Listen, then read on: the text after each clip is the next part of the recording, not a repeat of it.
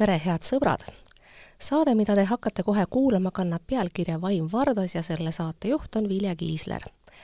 võib-olla peaks algatuseks vabandust paluma, et seekord on saade eetris natukene hiljem kui tavaliselt, aga võib-olla ei peaks ka, sest selle hea külg on, järgmine saade tuleb kiiremini kui see tänane. minu tänane külaline on Sanna Kartau, luuletaja, Müürilehe toimetaja, noor naine, ühiskondlikult aktiivne, kellest te veel kuulete, ma luban teile seda. Hmm. tere, Sanna! tere hommikust! ma tutvustan sind luuletajana ja Müürilehe toimetajana, sest need on need asjad, mille kohta sa oled juba tunnustust pälvinud ja mille kaudu sind teatakse. Kõige tähtsam asi, mida sinu puhul esile tuua, on värske Betty Alveri kirjanduspreemia parima debüüdi eest, mis kandis pealkirja Ma hääletan selle sõja poolt oma kehaga. palju õnne veel kord suur,! suur-suur aitäh! see pealkiri võiks muidugi ajada lugejaid ja ka meie saate kuulajaid kohemaid segadusse.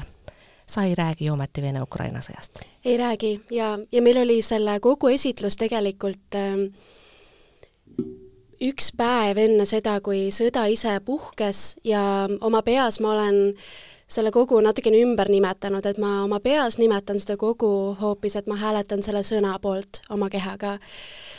et see puhkenud sõda pani mind küll kriitiliselt ümber mõtlema äh, seda valikut, just see enda kogu pealkirjaks panna, ehkki nagu ma enda kogu tutvustades olen ka äh, rääkinud, et siis see sõda, millele mina seal pealkirjas viitan, viitab hoopis ähm, viljakale konfliktile inimeste vahel, kes üksteisele lähedased on. aga jah, praegune situatsioon annab sellele täiesti teistsuguse varjundi tõepoolest, kogu võiks lugeda või hoopis teises võtmes ja kindlasti võiks raamatupoes lugejale, lugejal pilk peale jääda ja, ja mõelda, et see on midagi muud. Mm.. luba, ma tsiteerin sulle algatuseks sind ennast, et sa saaksid seda tsitaati selgitada ja täiendada. Et kuidas see siis on mõeldud, pigem sõda, jah, ülekantud tähenduses teisalt arvan, on täiesti võimatu sõdadest välja astuda. ma räägin oma kogus palju seksist ja meestest ja mul on tunne, et suhetes meestega jalutan ma sageli mingit huvitavat piiri pidi. ühelt poolt on enda naiselikkuse kehastamine minu jaoks üdini nauditav, aga teiselt poolt selleks, et seda teha nii mänguliselt kui võimalik, reedan teatud määral oma feministlikud teoreetilised põhimõtted. see on paradoks, milles on palju mahlakust ja lähedust. ehk siis sõda küll, aga sugudevaheline sõda, kas nõnda tuleb aru saada? jaa ähm,, aga kui lähtuda siin, ütleme, intersektsionaalse feminismi põhimõtetest, siis tegelikult neid äh, kategooriaid, milles oma partneri või partneritega eksisteerida, on tegelikult hästi mitmeid. et kui ma kirjutasin näiteks need tekstid, mis kogus endas ka sees on, siis ma olin koos ähm, Ameerika mehega, ta oli või noh, ta on ka mittevalge ja nii et meie omavahelises suhtluses tuli välja meie erinevad harjumused ja, ja taustad, mitte ainult soost lähtudes, vaid ka näiteks klassist lähtudes. et äh, ma mäletan näiteks neid momente, kus äh, me tegime hommikuti koos putru ja noh, minu jaoks pudru tegemine tähendas seda, et äh, ma keedan vee ja soolaga kaerahelbed pehmeks, panen selle mar-, sinna margariini või võit peale ja noh, see on minu hommikusöök. mõnus, soodne, täitev aga tema jaoks tähendas äh, hommikupudru tegemine see, et, äh, et vee sisse pannakse rosinad ja banaan, siis pannakse sinna kaneeli ja muid vürtse, siis pannakse kaerahelbed ise ja siis äh, valmis kaerahelbe pudru peale veel mett, maapähklivõid, pähkleid, seemneid ja puuvilju. ja ma mäletan neid momente, kus ma lihtsalt tajusin hästi tugevat klassist lähtuvat ebamugavust seda nagu pudrubonansat vaadates, sest et nagu see tundus nii raiskav või nii ebavajalikult ekstravagantne. ja tol hetkel ei ole ju see, ütleme, kõnetav või tähtis kategooria, mis meid tol hetkel eristab, mitte sugu, vaid see, et me oleme kasvanud erinevas sotsiaalmajanduslikus keskkonnas ülesse, mis on meil kujundanud normid, olgu siis selle kohta, et kui palju on mõistlik hommikusöögile kulutada, või olgu siis selle kohta, et et kui palju on mõistlik näiteks klubi sissepääsu eest maksta. ehk siis sinu isiklikud suhted tegelikult jõuavad alati moel või teisel ka mingisugusele ühiskondlikule tasandile, mida sa ju sisuliselt ka mõtestad selles luulekogus, mis on mm -hmm. saanud head, väga head vastukaja mm. -hmm. ja, ja pälvinud Betty Alveri preemia, nagu ma ütlesin, muide see saade Vaim Vardas on ju pealkirja saanud ka nimelt ühe Betty Alveri luuletuse järgi, mille sina kindlasti kohe ära tunned, aga kui on kuulaja, kes ei tunne, siis ta võiks kuulata kõige esimest saadet Maarja Kangroga, kus on siis see tsitaat ette loetud ja meelde tuletatud mm see on äh, iseenesest tunnusmärgiline, et sa räägid kohe oma luulega seoses ka oma suhetest, mida sa oled ka varem avalikult teinud ja mul on tunne eh, nii retseptsiooni kui sinu luulekogu lugemise põhjal, et luule teatavas mõttes ongi sinu jaoks midagi kehalist, seda luuakse teatavises kehalises aktiivsuses mm -hmm. ja seda ka esitatakse nõnda. ma lugesin ajakirjandusest, et kui sa selle preemia said, siis sa andsid kohe väga ekspressiivse etenduse, ma kahetsesin väga, et ma seda pealt ei näinud. kas sa võid paari sõnaga öelda, mis sa seal siis tegid? Äh, mida ma tegin ähm,? esiteks ma olin Tartusse endaga kaasa kutsunud enda hea sõbra Vaim Sarve, kes on siis improvisatsiooniline muusik ja teeb praegu EMTA-s oma magistrit ja me olime koos juba paar korda lihtsalt seal prooviruumides sõnade, kehade, tantsu ja, ja heliga mänginud ja kui mul tekkis võimalus pakkuda välja üks muusik sellele samale üritusele, siis Vaim tundus väga loogiline inimene, kellele seda pakkuda. Aga ma vastan su küsimusele ka, ehk siis mida me tegime, mida koges see inimene, kes seal kohal oli? esiteks need, kes võib-olla seda hoonet või seda tuba ise teavad, Tartu Kirjanike Maja, siis see on väga kammerlik hoone, seal on sellised äh, galantsed puust toolid, mis on üksteise taha seatud ja mm, toas on ka kamin ja seal on lihtsalt niisugune üsna jahe atmosfäär. ja mina ja Vaim tahtsime seda kohe muuta, et me seadsime need toolid ringi, me tõmbasime valguse alla, me lõi, lõime sinna veel lisavalgustust, me tõmbasime lava kogu sellest kolast, mis seal oli, tõmbasime tühjaks, et mina saaksin seal liikuda ja et Vaim saaks ka liikuda.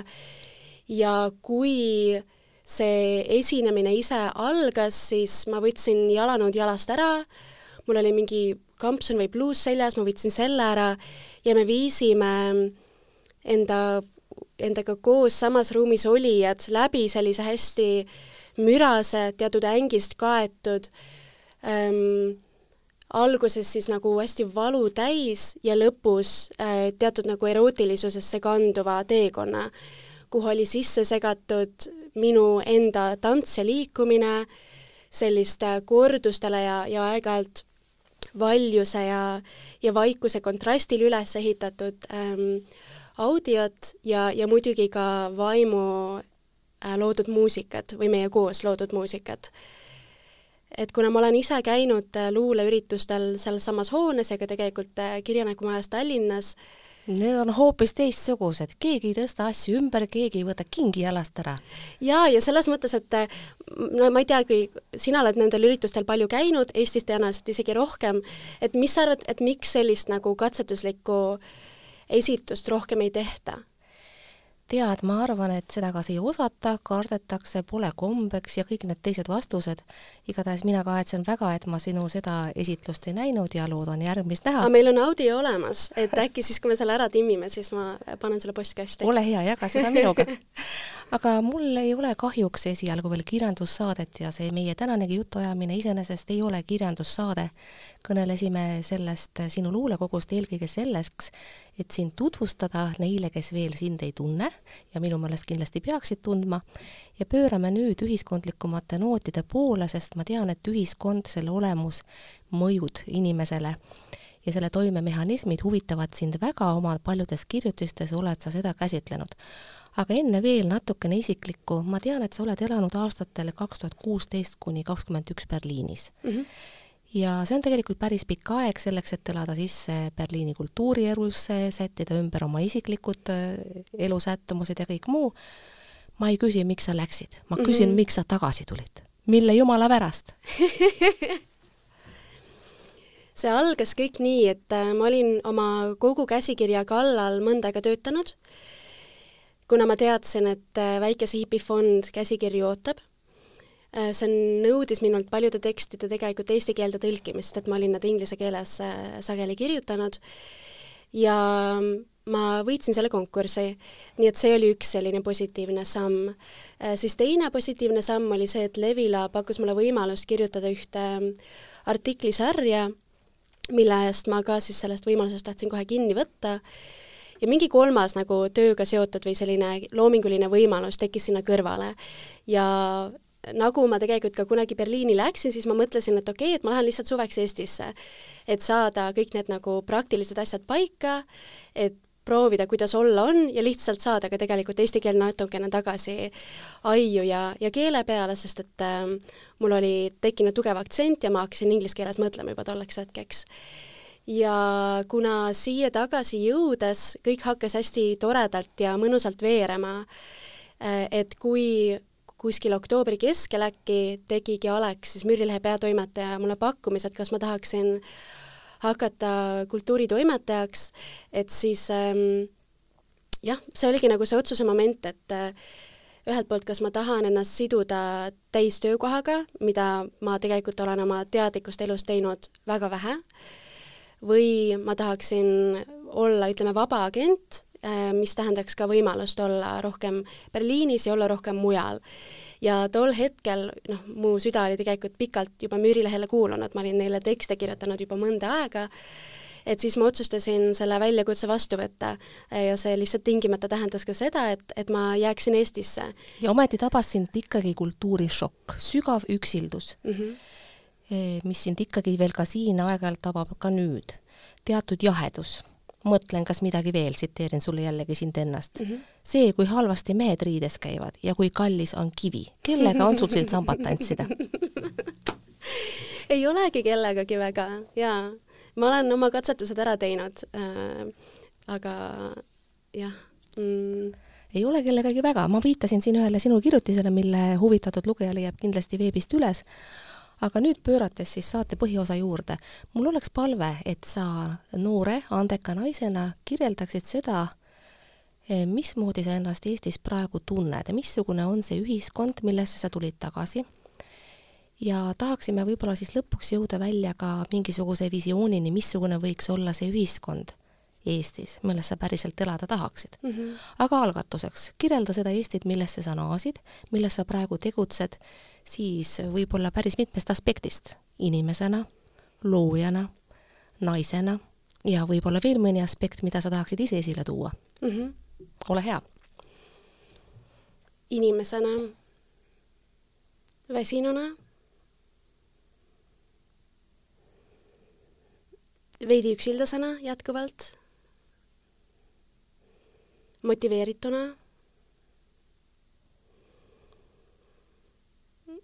ja veidi on, on selline tunne nagu, nagu see kohalik kontekst natukene nühib mingid äh, nurgad maha ja natukene kutsub oma südant sulgema.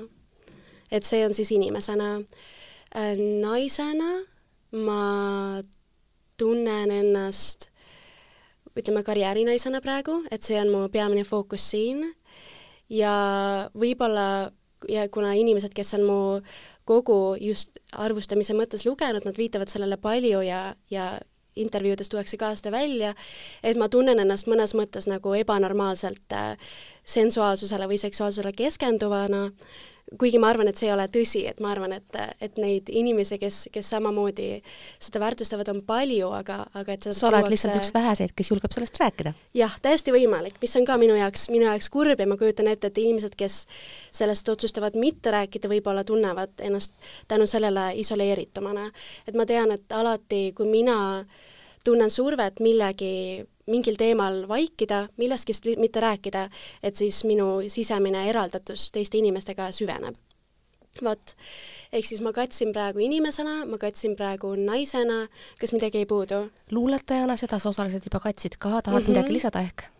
No luuletajana ma ütleks seda, et, et kuigi ma andsin praegu välja kogu, et siis äh, mulle hullult meeldib erinevate meediumitega mängimine, et ma usun, et loomingulises mõttes on Eestis hästi palju äh, kontekste ja, ja kohti ja väljendusvahendeid, mida veel katta, olgu see siis äh, heli, olgu see siis äh, visuaal, nende segu ja nii edasi, et ma arvan, et loomingulises mõttes Eesti on hästi hea koht, kus kus katsetada ja kus mingi pinnas luua, et siis jälle pea äkki pista mingisse muusse konteksti, et sealt seda värsket nagu sisendit saada.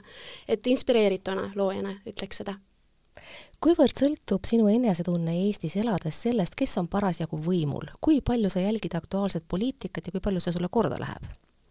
ma jälgin poliitikat ikka võrdlemisi aktiivselt ja eh, kas mu enesetunne sõltub sellest, eh, kes on võimul, ma arvan, et see vastus sellele küsimusele sõltub sellest, et, et kui palju domineerivad muus maailmas toimuvad äh, asjad, meie uudistetsüklid. et praegu ma arvan, et, et lihtsalt tänu sellele, et äh, et Ukrainas on, on puhkenud sõda ja paljud välispoliitilised küsimused üldiselt on, on hästi suures fookuses, et siis see sisepoliitiline ähm, mingi selline hoovus või, või liikumine, see omab lihtsalt proportsionaalselt vähem, vähem tähendust ja, ja tänu sellele, et, et ütleme, parem konservatiivne partei ähm, on valitsusest väljas, ma arvan, et see tõi nii mulle kui paljudele teistele kaasmaalastele kaasa mingi sellise teatud rahunemise, et me ei pea nii suurt stressi enam tundma, sellepärast et, et mida valitsus ette võtab ähm,. aga see ei tähenda, et see tähelepanu hajuks no sellel ajal, kui EKRE kuulus valitsusse, olid sina Berliinis ja kindlasti lugesid sa uudiseid ka siis, kuivõrd mõjutas sinu otsust tagasi tulla see, et selleks hetkeks, kui sa, kui sa tulid, ei olnud see partei enam valitsuses? ei mõjutanud ausalt öeldes kujuta nüüd ette olukorda, et selline, et see selline valitsuse konstellatsioon tekib uuesti, sest kui me reitinguid vaatame, siis tõepoolest Reformierakond on praegu seal tipus ja vägagi tõenäoliselt võib ju valimised võita, kuid pole mingisugune saladus, et EKRE juht Martin Helme loeb hääli kokku, kas saaks vana hea EKRE ikkagi taas ilustada ja võib-olla siis valitsuse vormis ka jällegi kokku panna, ehk siis see ei ole üldse võimatu, et hakatakse Riigikogus jällegi arutama abielureferendumit, halvustama kväärinimesi mm võib-olla abortidest rääkima viisil, mis lõpuks viibki nende keelamiseni, foon Ameerikas ju soosib seda igati ja sealt me võtame eeskuju ja kõik need teised asjad. mis see küsimus on? jaa, et küsimus on see, et kuivõrd sa oled valmis selliseks poliitiliseks konstellatsiooniks ja kuidas see mõjutab sinu enesetunnet, kas võib-olla tekib taas küsimus, et kas elada mõnes teises riigis, olgu siis mõnda aega mm. permanentselt, püsivalt, kuidas iganes ma ütleks, et äh, kui EKRE võimule saaks, et siis see mind otseselt ei paneks Eestist ära kolima, ähm, ma usun, et meie meedial on palju paremad tööriistad selleks, et kritiseerida EKRE-t ja, ja meie nagu praegust sellist ähm, populistlikku lainet, kuivõrd äh, Äh, tööriistad selleks, et kritiseerida laiemalt seda, et kuivõrd neoliberaalne maailma- ja majanduskorraldus pikas perspektiivis äh, tegelikult ähm, ma ei teagi, inimeksistentsi allesjäämist sellisel moel üldse toetab. Äh, et seda, et öelda rassism ja seksism oma kõige karmimal kujul on halb, seda on palju lihtsam teha, aga ma hoolimata sellest, et, et Kaja Kallas ja Reformierakond on, on tulnud äh, hästi toime Ukraina sõjale reageerimisega, et siis ma iseenesest ikkagi ei usu ähm, parempoolse majanduspoliitika pikaajalisusesse ka nii Eesti kui globaalses kontekstis parempoolse majanduspoliitika all pead sa siis silmas eeldatavasti liberaalset, liberalistlikku majandusmudelit, saan ma õigesti aru? just kas on siis võib-olla ka välja pakkuda midagi paremat, sest tegelikult see, mida me pikemat aega juba näeme toimumas nii Eestis kui ka maailmas, on tõepoolest neoliberalismi kriis, ehk mm. siis see mudel, mis meid võib-olla pikki aastaid hästi teenis, jättis teenimatult kõrvale väga paljude inimeste heaolu. Ja see ongi see, mis meile poliitilises paradigmas ka nüüd kätte maksab, rõhutute, kurnatute hääl kõlab nii, niinimetatud paremäärmuslike parteide esindajate suust, mitte ainult meil, vaid ka kõikides teistes riikides. Mm.. mis võiks olla see eh, mudel või ka siis majanduslik formatsioon, mis asendab neoliberalismi, kuna see on võib-olla tõesti oma aja ära elanud? Mm? -hmm ma ei tahaks pakkuda sellist äh, suurt mudelit, ma tahaks võib-olla pakkuda paar alguspunkti üks potentsiaalne alguspunkt oleks see, et äh, me eraldaksime mõned miljonid valitsusest selleks, et teha meie väga pisikeses ühiskonnas äh, esimene korralik katse sellest, mis juhtub, kui rakendada universaalne baassissetulek. sa räägid kodanikupalgast? kodanikupalgast, just. Me ei peaks seda rakendama kohe kõikide peal, me saaksime valida olgu siis loosi teel või mingil muu, mingi, mingit muud mehhanismi kasutades, inimesed, kes seda saama hakkavad ja teaduslikult mõõta, et mis juhtub siis nende inimeste heaoluga, mis juhtub meie majandusega ja mis juhtub äh, muude mikro- ja makromajanduslike mõõdikutega siis, kui, kui seda katsetada ja siis seda süsteemi lähtuvalt äh, andmest, andmetest saadavatest sisenditest siis timmima hakata ehk siis see on üks potentsiaalne alguspunkt. Äh, teine minu meelest äh, adekvaatne alguspunkt oleksid äh, varamaksud. Eestis tegelikult maksustatakse vara võrdlemisi minimaalselt võrreldes teiste Euroopa riikidega, et ma arvan, et see oleks teine hea alguspunkt, kuidas varanduslikku kihistumist Eestis vähendada. Ähm, et me teame, et, et võrreldes teiste Euroopa riikidega ja noh, ka maailmas samamoodi on Eesti ühelt poolt äh, ikkagi vaesemat tüüpi riik, et me ei ole heaoluriik, ähm, aga samas ka sügavalt äh, varanduslikult kihistatud. Ähm, ja see on probleem, sellepärast et mida kihistatum on ühiskond, ähm, seda äh, ütleme, seda lihtsam on populistlikel võimudel saada valitsusse või saada võimu juurde ja see mõjutab äh, ka ütleme, selliseid näitajaid nagu tervis ja mõjutab selliseid näiteid nagu ähm, nagu inimeste lihtsalt äh, subjektiivne heaolu. vot, et mitte ainult see, et kui on, kui palju on neto või brutosissetulek, aga ka see, et kui pal-, kui suur on tajutav ebavõrdsus ähm, ühiskonnaliikmete vahel, et seetõttu äh, oleksidki siis äh, ühelt poolt äh, varamaksud, mis seda tasandaksid, ja teisalt äh, katsetused ähm, otsese majandusliku abiga ilma ähm, sellise suure bürokraatiata selle ümber.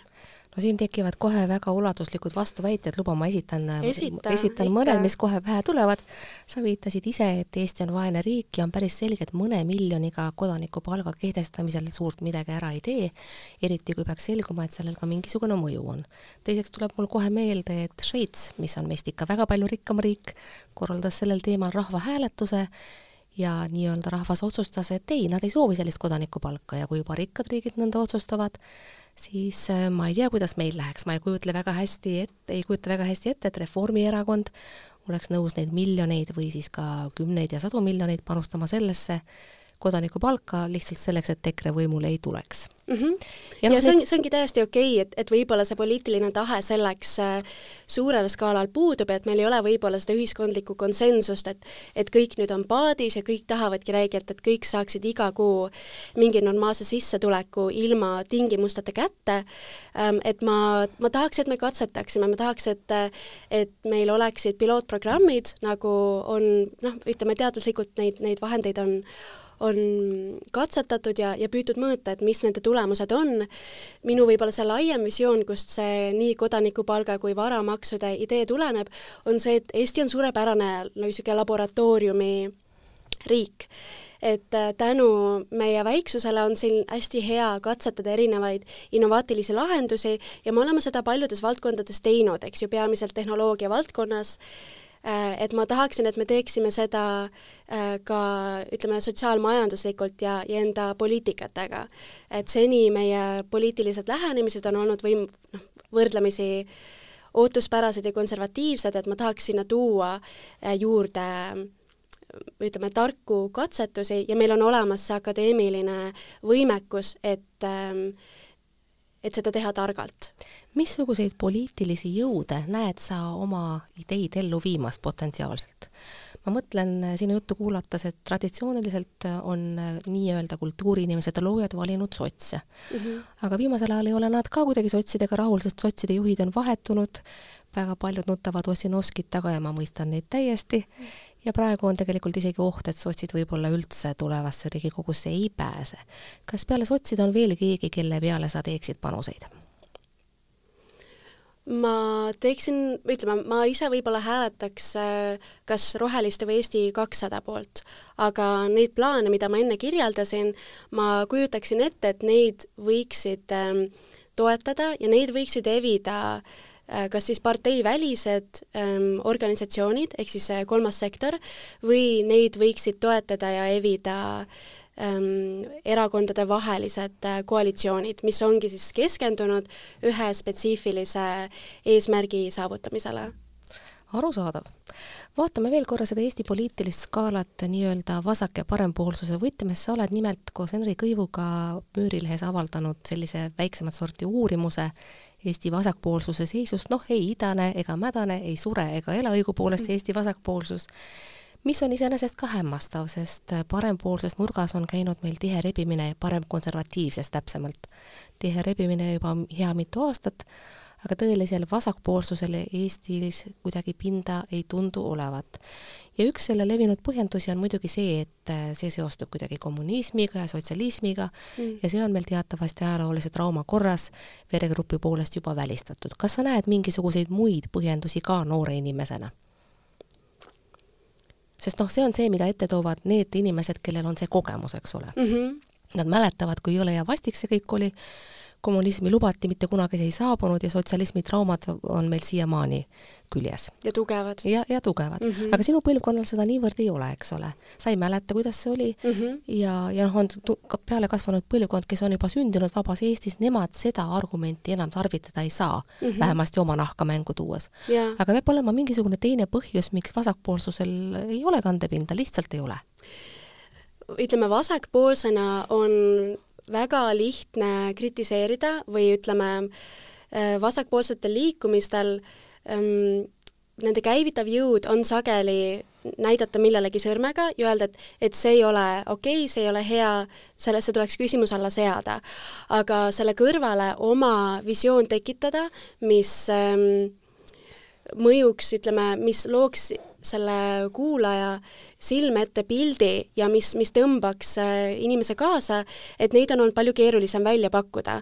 et ma usun, et kui meie praegused progressiivsed ja, ja vasakpoolsed jõud õpiksid neid äh, visioone sõnastama ja õpiksid neid visioone kommunikeerima palju paremini ja äkki ka veidi julgemalt, et siis ma arvan, et see, arvan, et see võim äh, tuleks tagasi.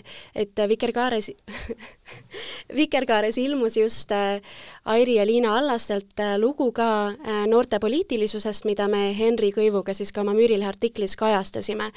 ja ta kirjeldab seal veidi pikemalt seda, et äh, tänapäeva noored ei lähene äh, poliitilistele küsimustele niivõrd äh, parteipoliitiliselt või sellise kuidagi laia maailmavaate põhiselt, aga pigem kaasus ja mingi sellise sündmuse põhiselt ja, ja veidi ka subkultuurselt. et mida ähm, need, need kaasuspõhised ja subkultuursed lähenemised mõlemad teevad, äh, ongi need, äh, ongi see, et nendega mõlemaga tulevad kaasa visioonid ähm, maailmast, kus neid äh, probleeme ei eksisteeri, aga sageli minnakse sealt veel üks, üks samm kaugemale. Äh, et äh, osatakse välja joonistada see, et ähm, mis, missugused nagu naudingud, rõõmud ja hüved on saadaval siis, kui need probleemid ära kaotatakse, võib-olla ütleme, selline marginaalne, aga samas ka positiivne näide oli tuli Tallinna linnavalitsuses siis, kui, kui sotsid sinna äh, said, sellest, kuidas äh, Tallinnasse rajati selliseid pisikesi mikroparke või taskupargikesi äh, Pärnu maantee lähedale ja ja see, mis ta on, vist on nagu kolm-neli kohta veel, mis on niisugune mikrolahendus, ilmselgelt see ei, ei muuda kõiki neid linnaruumi küsimusi, mis Tallinnas nii akuutsed on, aga, aga samal ajal mm, näitab võimekust äh, see pisikene muutus sinna sisse tuua.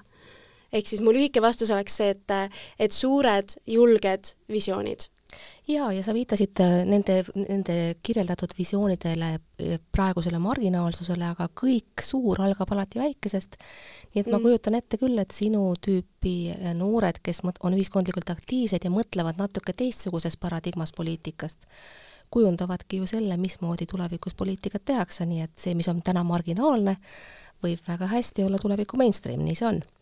tahaksin rääkida paar sõna töökeskkonnast ja töökultuurist, mis on olnud ka üks teemasid, mida sa oled oma kirjutistes kajastanud ja, ja sa oled viidanud, et Eesti töökultuurile on sul suuri etteheiteid. taustaks ja tutvustuseks kuulajale loen ma jällegi ette ühe sinu tsitaadi. aus rohe, rahulolematus sitta olukorraga on terve enesehinnangu märk. Rahulolematus tööga, kus sulle liiga vähe makstakse, on normaalne reaktsioon kui sa arvad, et oled rohkem väärt ja ma olen kindel, et sa oled võõrandumisest rohkem väärt. me kõik oleme rohkem väärt. kõlab väga hästi, aga kuidas siis äh, viia ühiskond, tööandjad äh, arusaamiseni, et me tõesti kõik olemegi rohkem väärt? kuidas see peaks käima? ma võib-olla annan ühe niisuguse spetsiifilise poliitikasoovituse ja siis ma avan natukene seda nagu laiemat äh, ideoloogiat või mõtet seal taga. oma raamatus This changes everything ehk siis see muudab kõike, kirjeldab Naomi Klein muude kliimakriisile, kliim-, lahendustele, kliimakriisi kliimakriisi lahenduste muude äh, kliimakriisi lahenduste hulgas seda, et kui palju äh, CO kahe Äh, õhku paiskamist oleks võimalik vältida siis, kui töönädalat teha lühemaks, et tema viitab uuringutele, kus seda on tehtud näiteks kolmekümne viie tunnise töönädala ähm, juures. Äh, see erinevus seal on päris markant, markantne, pluss kaasnevad hüved nagu inimeste kõrgem rahulolu, inimesed on tervemad, äh, inimestel on rohkem aega oma perega tegeleda, tänu sellele äh, laste tervis, enesehinnang ja kooliga hakkamasaamine on palju tugevam ehk siis, mida me saaksime sellest ähm, õppida ja äkki Eestis rakendada? mina ütleksin, et kuna äh, Eesti üks suurimaid tööandjaid on riik, et siis miks ei võiks riik äh, institutsioon institutsiooni haaval äh, katsetada sellega, et mida teha või et, et kuidas teha töönädal kolmekümne viie tunniseks. me teame ju kõik, et, et inimesed, kes töötavad näiteks kontorites ähm, ja arvutite taga, et nad ei tee tegelikult äh, iga nädal nelikümmend tundi või nelikümmend pluss tundi tööd, on ju ähm, kuna aju lihtsalt ei toimi nii, et ähm, ma tahaks, et, et riiklikud institutsioonid katsetaksid lühema töönädalaga, jällegi mõõdaksid tulemusi äh,, palk selle võrra ei väheneks, aga et äh, suureneks see vaimne ähm, ja ka nagu füüsiline ruum, mida inimesed saavad muudeks otstarveteks kasutada. et praegu äh, noh, minu meelest on, on kriminaalne, kui palju energiat äh, inimesed äh, iga nädalaselt, igakuiselt, iga-aastaselt äh, peavad palgatöösse panema ja kõik teavad tegelikult seda, kui palju kannatusi selline väga intensiivne töökultuur põhjustab, aga samas ei osata ka ette kujutada seda, et milline see elu siis olla võiks, kui me ei tööta nelikümmend pluss tundi nädalas, mis on, mis on kurb iseenesest võiks ju selle kolmekümne viie tunniga ära teha rohkem kui neljakümnega, kui selleks oleks motivatsiooni ja ei peaks kulutama aega nii-öelda tööl käimisele, vaid saaks kulutada kogu selle aja töö tegemisele mm. -hmm. täitsa võimalik jaa, aga veel mõni sõna siis ka feminismist, mis on äh, selline sõna, mis sinuga seostub ja sa oled mõned artiklid kirjutanud ka Feministeeriumile ja kui me pöörame tagasi saate alguse juurde, siis kindlasti leidub lugejaid, kes peavad sinu värskelt auhinnatud luulekogu sügavalt feministlikuks mm. -hmm aga kui äh, sellest, seda sõna tarvitatakse, siis minu meelest tuleb alati selgeks teha, mida sellega mõeldakse mida mõtled sina sõna feminism all ja mida see tähendab sulle, mida tähendavad sulle feministlikud agendad konkreetsemalt ma alustan esimesest küsimusest. mida tähendab minu jaoks äh, feminism? see, et mina olen feminist, tähendab minu jaoks seda, et äh, ma olen vaadelnud ühiskonda, ma olen vaadelnud enda ümber toimuvat ja ma näen seda, kui oluliselt mõjutab inimeste äh, institutsioonide ja ka perede elu see, et meil on mingid soolistatud eeldused ja ootused naistele ja meestele, mis on erinevad äh, ja mis siis äh, ütleme, õpitakse väga korralikult ära ja mis siis hakkavad inimeste elu juhtima viisil, mis neile lõpuks palju kahju teevad ja mis nende vabadusi ja võimalusi piiravad mm,. kui me vaatame näiteks isiklikke suhteid, äh, siis Äh, see kahju, mida, mida kogevad mehed ähm, lähtuvalt siis äh, soolisest äh, nendest õppetundidest, mida nad on meheks äh, saamise protsessi jooksul saanud, on see, et äh, nende tundeline emotsionaalne ampluaa on palju kitsam äh,, neil on, on palju vähem võimalusi väljendada valu, või hirmu või rõõmu või armastust, mis tähendab, et, et nende rahulolu ja turvalisus suhetes on palju, palju kitsam, see tõukab nad Eesti kontekstis näiteks jooma või, või äh, tõukab neid muudesse riskikäitumistesse ja, ja viib nende mm, oodatava eluea alla. Ähm, või, või siis võõrandab neid enda lähedastest ja takistab neil omamast nii rahuldust pakkuvaid suhteid, kui on, on näiteks paljudel naistel. Äh, see soolisus ja ütleme, selline ähm, naiseks õppimine naiste puhul tähendab seda, et äh, kuna ole, vali olemine, enda arvamuse avaldamine ja, ja ka teatud, ütleme, professionaalsed huvid ja kalduvused, nendele vaadatakse naiste puhul, ütleme, kulmu kortsutades peale, et siis äh, naised teevad ennast sageli väiksemaks äh, vaiksemaks, tahavad äh, olla pisikesed ja kuna nad tajuvad enda peal sageli mingit sellist äh, suurt kõikenägevat äh, pilku, mis vahel on ka niisuguse mehe näoga, et siis pannakse hästi palju energiat sellele, et olla nii ilus ja ihaldusväärne kui, kui võimalik. ja see takistab ähm, hästi paljudel juhtudel, enamikel juhtudel eneseteostust loominguliselt, professionaalselt, ähm, eriti siis, kui see professionaalne äh, ähm, soov või iha, mida äkki tajutakse, väljub äh, soorollidest. muidugi meil on hästi palju äh, ägedaid, tarku, imelisi õpetajaid, sest et äh, lastega tegelemine on miski, mida naiste puhul peetakse loomulikuks, aga, aga kuna numbritega tegelemine ja, ja sellised ähm, STEM-alad naiste puhul ei tundu nagu kohased, äh, et siis äh, aeglaselt juhitaksegi naised äh, nendest huvidest eemale ja noh, sageli see tegelikult lähtub ka iseendast. et kui me õpime selle kategooria kohta, kuhu me ise kuulume, mingid tõed ära, siis kõik info, mis tegelikult mm, seda õpitud tõde kuidagi küsimuse alla seab, et me pigem lükkame selle kõrvale, sest et selle kahe vahel olekuga on hästi keeruline toime tulla missuguseid kompromisse sa oled ise valmis tegema oma veendumustega ja ühiskondliku edasijõudmise vahel?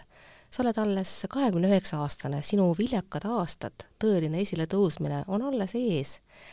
missugusena sa, missuguseid kompromisse kujutled sa ennast tegemas, et sa suudaksid ennast selles Eesti ühiskonnas, kus üks partei tegelikult sooviks ju naised üldse ainult kööke kirikusse saata koju lapsi sünnitama, ja noh, ega teistelgi parteidel naiste jaoks mingeid väga häid väljavaateid ei ole.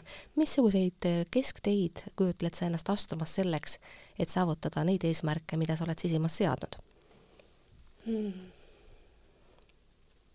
või kas sa üldse Esimene... oled valmis mingeid kompromisse tegema? jaa, ma arvan, et äh, olen kindlasti. esimene asi, mis pähe tuleb, on, on see, et äh, kuigi me võib-olla ei pea seda sada protsenti õigeks, et äh, sellisest ähm, parteipoliitikast eemalduda, aga kui ma tajun, et minu kõige suurem mõju leiab aset hoopis kogukondlikult ja teatud äh, sellisel lähiskaalal, siis ma pigem evin oma poliitilisi veendumusi enda seal kortermajas, kus ma elan, evin neid oma sõprade hulgas, oma kogukonna hulgas ja panen oma aega ja energiat sinna ja võib-olla ei keskendu sellisele depressiivsele nagu makropoliitilisele situatsioonile, et see on võib-olla üks kompromiss äh,. siis ähm, ma arvan, et see teine kompromiss, mis tundub praegu võimalik ja, ja loogiline äh,, on see, et äh, ma ei pea enda eestlust äh, eriti oluliseks, kui ma mõtlen oma identiteedi peale äh,. et kui ma ühel hetkel tunnen, et äh, ma ei saa Eestis olla nii, nii õnnelik kui, ja vaba, kui ma tahaksin olla, et siis on täiesti võimalik, et ma lähen jälle teatud perioodiks äh, ära ja siis tulen äkki jälle tagasi ja olen võib-olla selline, selline pendeleestlane. ja siin on muidugi ühelt poolt niisugused poliitilised kompromissid, et olla vähem kohal tähendab olla vähemas kontakt, kontaktis mm, aga selle pluss on jälle see, et, et see mujal olemise kogemus võimaldab mul siinset konteksti rikastada täiesti teistsugusel viisil, kui, kui siis, kui ma oleksin äh, pidevalt äh, siin. Sanna, viimane küsimus, mida peaks Eesti riik tegema, mida peaks ta kohe muutma, et sa jääksid, et sa teostaksid ennast siin?